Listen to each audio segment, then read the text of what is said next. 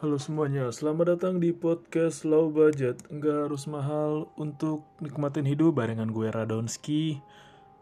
Sebenarnya dari ke mana sih gue mau bikin konten? Lewat mikrofon nih di laptop. Cuman aneh banget dah. Susah banget buka Anchor FM Kayak dibanding buka Anchor sama buka YouTube atau buka situs yang lebih berat Itu lebih cepat buka YouTube. Gue gak tau kenapa nih apa situsnya Anchor ini. Iri kali emang gue kesel ya. Atau apalah gue nggak tahu. Udah ini gue bikin aja rekam pakai HP deh. Ini dibuat tanggal 25 jam 1 oh udah setengah dua deng.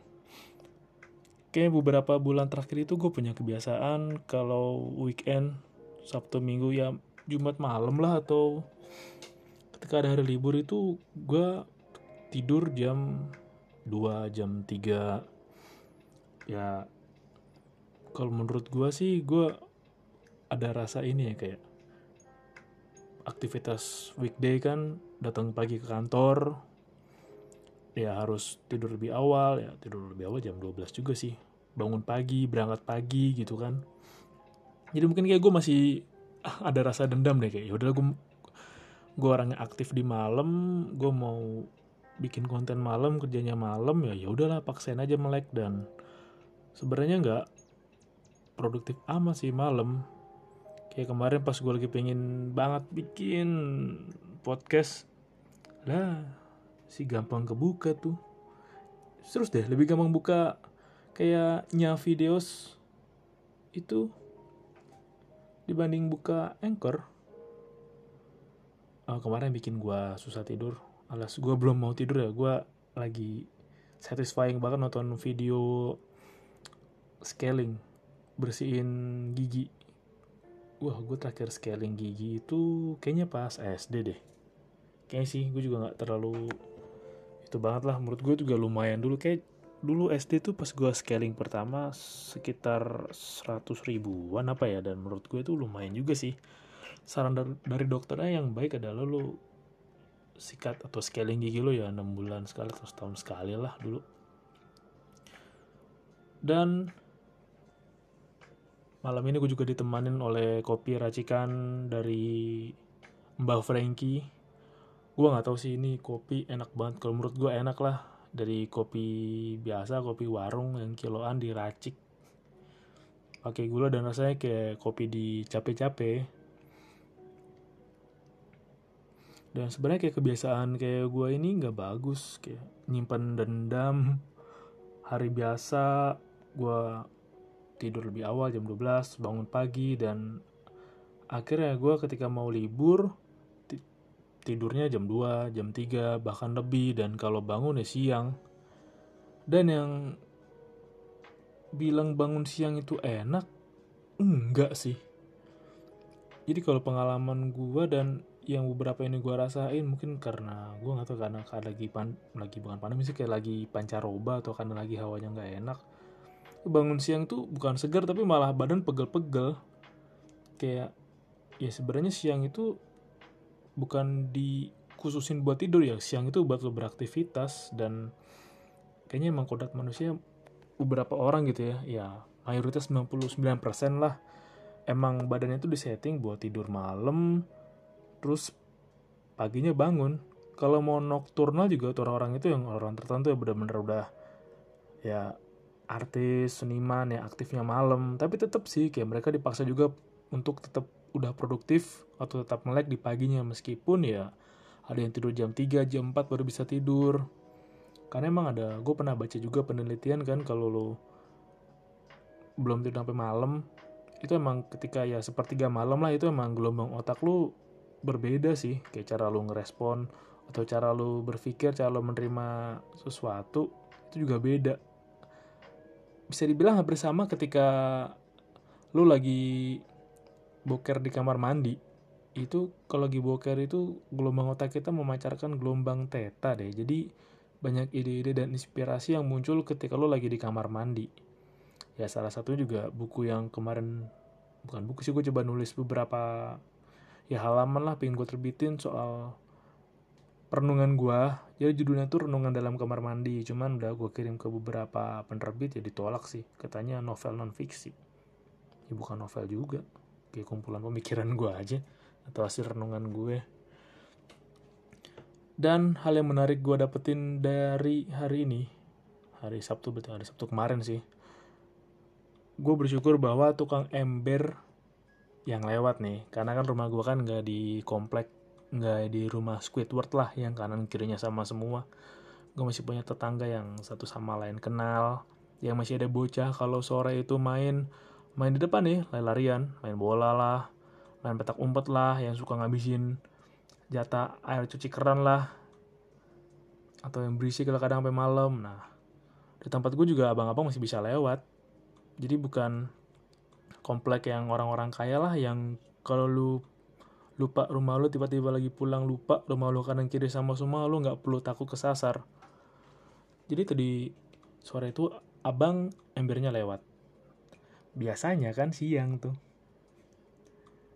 Hmm ya lu bisa bayangin yang rumahnya di gang kapling gitu kan ada tukang ember. Iya, bunyi kayak ngetes ember ember, jedak jedak jedak. Embernya, hmm, embernya nggak diseret dong, dijedotin dong, ya kan? Nah, kalau abang ember lewat siang, wah, si kaget tuh, si si lu bisa tenang banget tuh lagi tidur tuh lagi tidur kan terus lu kaget beh itu pas bangun juga jantung lu kayak seperti genderang mau perang. Nah, jadi tadi ketika Bang Ember lewat itu ya, oh ya udah Bang Ember syukur lewatnya sore lah pas gue juga nggak lagi tidur. Dan ya nggak tahu kenapa sih nyokap gue hari ini beli ember. Padahal embernya masih oke okay lah. Dan gue nemuin hal yang menarik. Awalnya gue kira yang jualan ember itu ya bapak-bapak tua lah. Karena kan emang seringnya gitu kan ya bapak-bapak tua gitu yang ember satu di uh, tiga tumpuk atau empat di kepala dua di tangan gitu kan sampai tepok-tepokin gitu. Pas gue ngobrol-ngobrol ternyata anak muda yang jualan embernya loh. Gue bengong sebentar kan anak muda. Kalau dilihat dari umurnya sih kayaknya di bawah gue lah dikit atau mungkin sepantaran. Hal yang menarik sih dan ya menurut gue menarik. Biasanya kalau anak muda ya lu nggak bisa ngelak lah kalau anak muda itu kan apalagi ya gue juga pernah ngerasain namanya gede gengsi. Kayak lu kalau nggak punya ini lu malu untuk ngelakuin inilah. Kayak pride lu tuh harus dijaga. Kayak gue mau punya barang yang inilah gue mau kelihatan keren lah. Tapi untuk yang tadi mas yang tadi orang tadi jualan ember yang masih muda itu itu gue respect sih dan tadi kebetulan kayaknya pas ketemu pas lagi beli tuh nggak pakai masker. Ini lagi-lagi kayak memicu ah keresahan gua sih. Bener kan? Ya nggak semua orang itu bisa nerapin namanya pakai masker. Ya misalkan pakai masker mesti beli deh. Sekarang apalagi mesti dua lapis kan? Taruh kata satu masker 1500 sampai 2000 sehari makai itu juga sehari mereka juga lumayan 1500 gitu buat mereka yang penghasilan ya nggak tentu kayak jualan ember kan. Belum tentu ada orang yang beli ember tiap hari gitu. Itu kan jodoh-jodohan memang jodoh di tangan Tuhan. Tapi kita nggak tahu kan. Siapa tahu ada juga pada hari itu yang akhirnya gue nggak perlu beli ember deh. Tapi ada yang beli aja dan kebetulan emang nyokap gue beli. Dan ini nih nggak uh, tahu kenapa ya. Kayaknya gue itu terbiasa atau kayak ada feeling yang lu pasti pernah kan kayak ngerasain sesuatu ketika ngelihat mata orang lain gitu.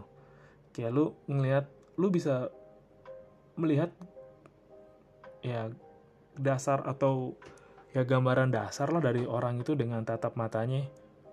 Karena mata itu kan mewakili diri lo dan mata itu mewakili banyak hal. Jadi ya ketika lu lihat mata seseorang lu bisa tahu apakah dia bohong apakah dia jujur apakah dia orang yang ya misalkan bisa dipercaya atau misalkan dia mau niat jahat tuh bisa kelihatan dari matanya. Dan ya kalau gue ngobrol sama orang kan gue harus natap matanya kan jangan natap yang lain. Pas gue liat abang ember tadi tuh gue bisa ngeliat kayak mata-mata orang yang punya semangat tinggi. Dan gue respect banget sih sama orang-orang itu. Gak banyak juga orang-orang yang pernah gue lihat dari semangat dari matanya itu punya semangat yang tinggi atau semangat yang gigih lah. Ya kelihatan aja. Kayak nggak bisa dibohongin gitu. Kalau lu punya kemauan yang tinggi lu punya hasrat untuk berjuang lah untuk istilahnya ya lu harus melawan atau menerima gitu. Ketika lu punya keinginan yang kuat itu bisa kelihatan dari mata lu dan itu mata nggak bisa bohong sih dan ya gue tahu orang-orang yang punya semangat tinggi tuh tatapan matanya beda dengan orang-orang yang ya sukanya nerimo nerima aja gitu kan ya. Nggak mau berusaha lah takut takut takut salah takut gagal kayak takut ditolak kayak malu-malu terus yang ah gengsi gengsi gini ah. Itu beda banget dari cara cara tatapannya udah beda dengan orang yang punya semangat tinggi yang gigih. Dan iya sih tadi tuh abangnya juga pinter banget. Semangat banget tuh ngelobi nyokap gue kan. Ya lo tau sendiri bagaimana uh, ibu-ibu ketika ngelak ngenego barang itu suka amazing ya. Kayak misalkan dulu nyokap gue pernah nawar harga habis itu yang kayak dikerek gitu yang buat di yang yang halingin cahaya matahari lah. Itu harga 60 ribu. Ditawar 20 ribu. 25 ribu. Ya emang gitu ibu-ibu sih sifat aslinya. Ya ya pinter-pinter abang aja lah ngasih harga. Dan ini tadi abang tukang ember yang masih muda. Eh, seumuran gue seumuran gue lah. Ini dia ngelobi kayak bu beli dong bu sekalian bu. Ini deh saya kasih diskon deh kayak jadi nyokap gue harusnya tadi cuma beli dua akhirnya beli tiga. Satu yang dua buat nyuci satu kayak buat gentong air gitu. Gede lagi. Gue gue nggak tahu tuh uh, belum ada ide tuh mau pakai buat apa tuh uh, embernya gentongnya.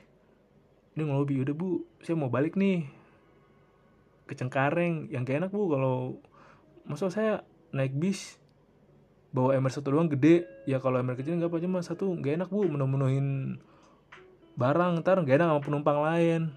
Bah tadi udah dengan segala macam cara gue cuma denger ngomong gitu doang sih. Dan nyokap gue cuma ya gue tahu nih kalau misalkan uh, mungkin nyokap gue gue nurin sifat ya orang tua gue sih. Gue tahu nih kayak oh nyokap gue seneng lah anak muda yang semangatnya gigih yang nggak pantang nyerah. Jadi ya udah dibeli aja. Dan iya bener kan?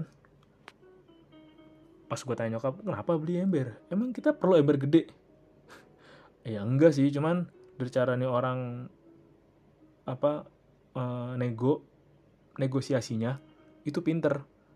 Kayak tahu gitu cara-caranya untuk ngebujuk. Dan dilihat dari gerakan apa lihat oh okay, dari bahasa tubuhnya ya emang benar percaya diri dan tipe orang yang susah buat ditolak. Ya pasti ada kan orang yang ketika lu ngobrol ketika ada nawarin sesuatu lu nggak bisa nolak entah dia nawarin barang atau nawarin jasa atau dia minta tolong tuh nggak bisa ditolak gitu. Ada orang kayak gitu kan dan ya namanya masa depan kita nggak akan tahu apa yang terjadi ya ke, ke orang itu ataupun gue ataupun orang lain lah. Dan gue respect respect banget dengan orang yang kayak gitu. Orang yang punya semangat tinggi. Ya nggak tahu ya mungkin ada perbedaan rutinitas atau perbedaan cara menjalani hari kan biasanya ada beberapa orang yang ya masih umur 20 20-an belum 30-an lah udah kayak mati duluan di dalam udah nggak ada semangat jiwa udah ya dia itu dia ngalir terus ya mencari aman mencari mencari yang udahlah ah gue yang penting udah cukup kerjaan yang penting gue kerjaan gue gue kerja seumur hidup gitu sampai pensiun ditalangin ada dana dana hari tua dan bla bla bla bla bla.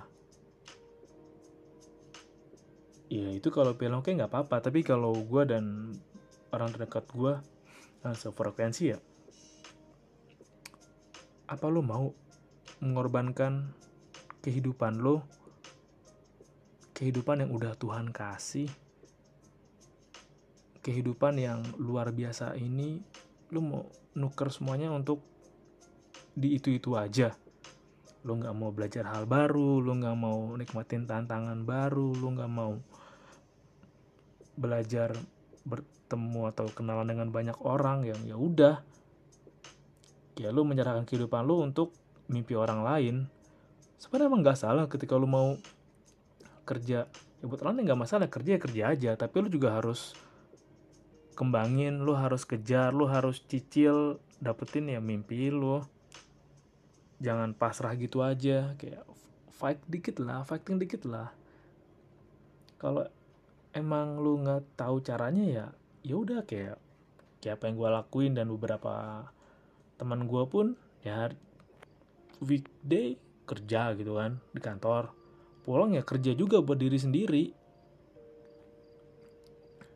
Ya kerjanya buat diri sendiri lakuin aja hal yang, hal yang suka yang ah gue nyicil mimpi gue dikit-dikit deh gitu sedikit pergerakan itu kan lebih baik daripada banyak teori yang nggak dipraktekin.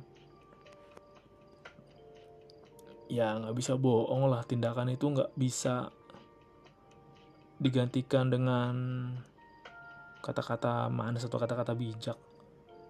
Dan ya orang-orang yang punya semangat tinggi itu memang kelihatan. Dan karena ya semangat udah semangat gigih juga Iya lu kalau ngeliat sekarang mungkin kayak orang-orang atau lu ngeliat temen lu kayak ya ini orang modal semangat doang atau modal gigi doang. Ya lu kalau ngeliat orang jangan lihat keadaan saat ini aja atau ya dua tahun tiga tahun aja lah tapi lihat aja sampai nanti masa tuanya.